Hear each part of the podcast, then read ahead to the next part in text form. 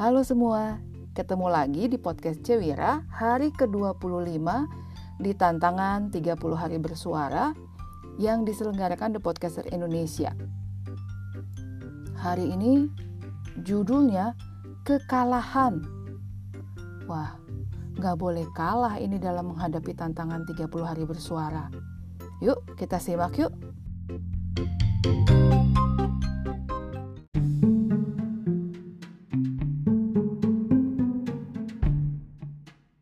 Hari ini sebetulnya saya sudah terlambat ini merekam suara karena biasanya setiap hari jam 3 sore pasti sudah nol nih, sudah update.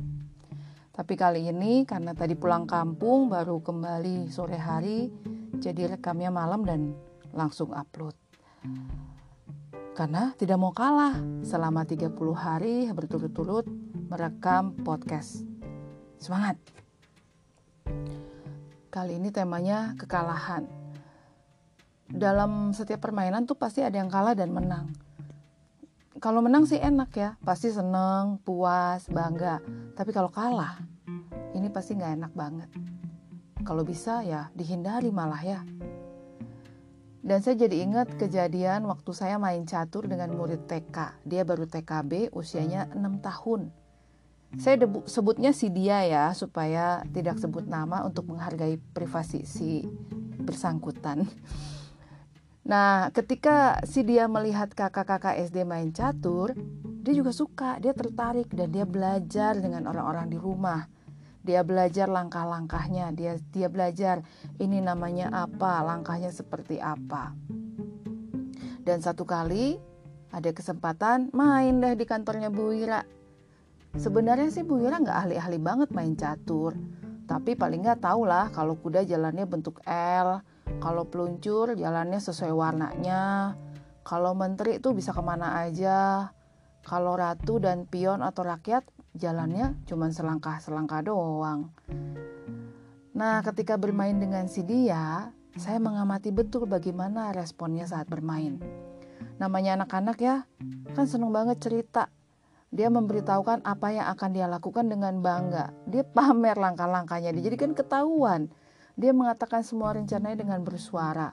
Jadi saya bisa langsung e, mengantisipasi kan. Dan di pengalaman ini juga saya belajar bagaimana anak ini menyerap informasi dari orang-orang di sekitarnya. Bagaimana dia belajar catur dari orang-orang yang mengajarkan dia. Dan bagaimana dia menerapkan apa yang dia pelajari ketika dia bermain. Dan ya si dia kalah dong. Langsung deh mukanya cemberut, matanya berkaca-kaca dan ngomel. Ngomel panjang, pokoknya dia kesel karena dia kalah. Ya, ya wajar, itu kan satu bentuk ungkapan kekecewaan dan kesedihan melalui ucapan.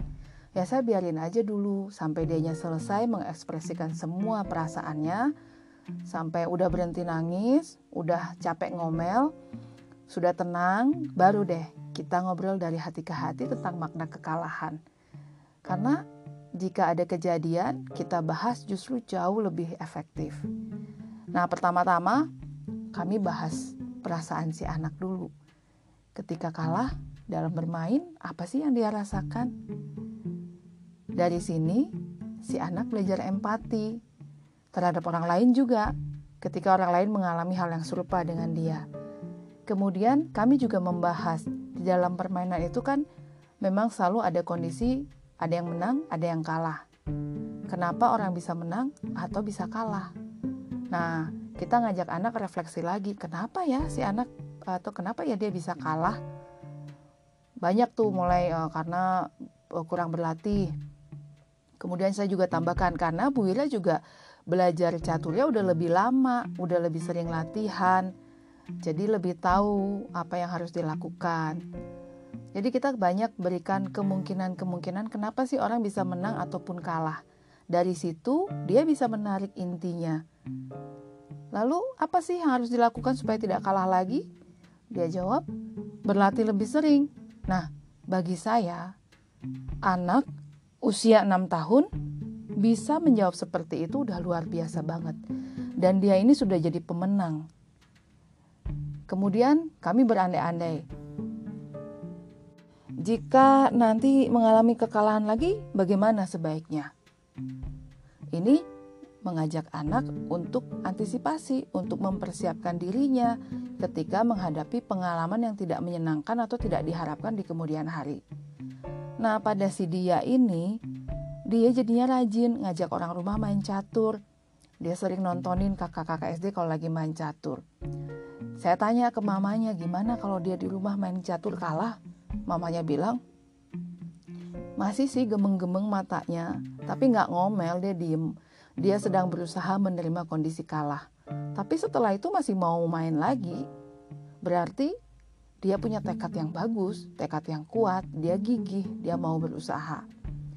Gak, ya sampai satu hari kemudian main lagi dong sama Bu Wira ditantangin nih, penasaran. Ya tahu dong hasilnya. Bu Wira menang lagi. Ya, kenapa sih Bu Wira nggak mau ngalah aja sama anak kecil? Hei, Jangan meremehkan anak-anak. Jangan perlakukan mereka sebagai anak yang tidak mampu dan tidak berdaya. Jangan membodohi mereka. Anak itu cerdas dan banyak akal. Yang harus diajarkan justru bagaimana mereka menempa diri mereka supaya pantang menyerah, mau berusaha, tangguh, dan terutama uh, tahu kalau dia itu mampu.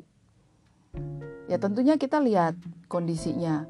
Kenapa dia bisa kalah? Sebelum kalah kan juga dia sudah makanin banyak pion saya. Jadi ya nggak masalah, dari situ dia belajar. Dan pernah di pengalaman lain, saya bermain catur dengan anak SD yang memang dia seneng banget board games. Dia ngajak saya main catur dan saya kalah telak. Dan si dia yang ikut nonton seneng banget. Kayaknya dia masih gak terima nih.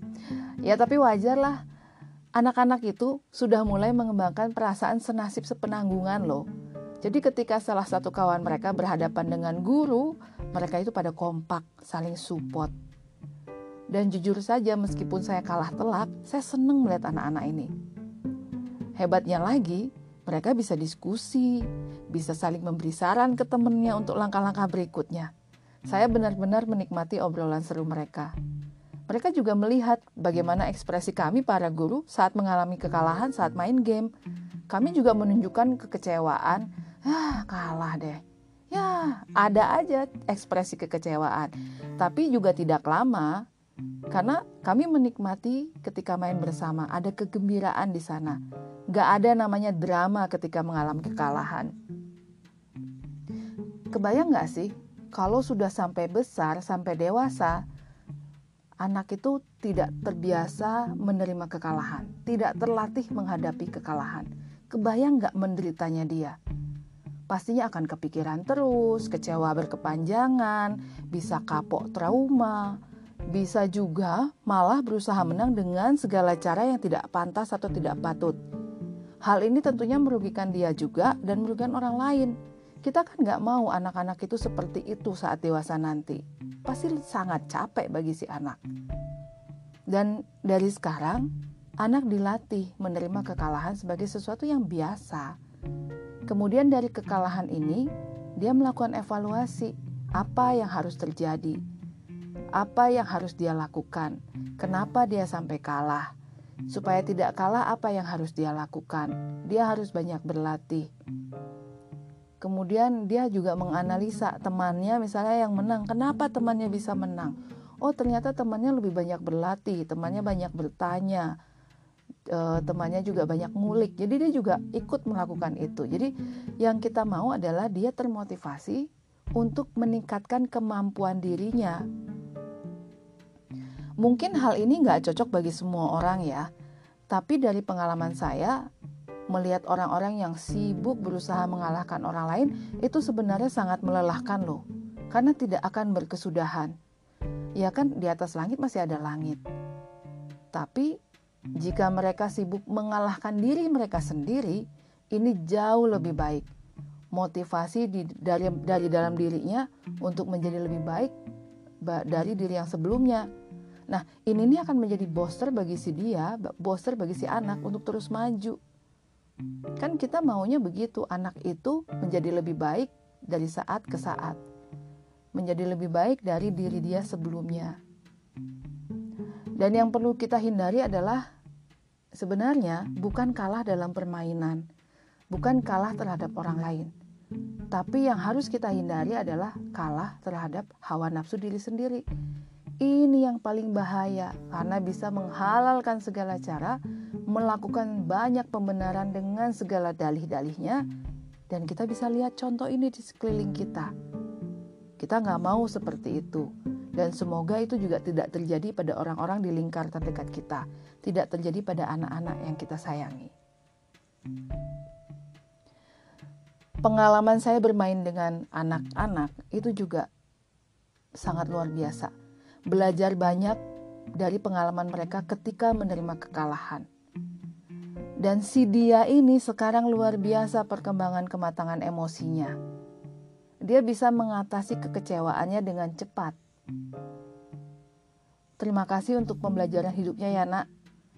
Semoga kamu terus maju, kamu terus belajar, kamu semakin berkembang, kamu sudah tahu cita-citamu apa dan semoga terwujud. Semangat ya, karena kamu itu pemenang.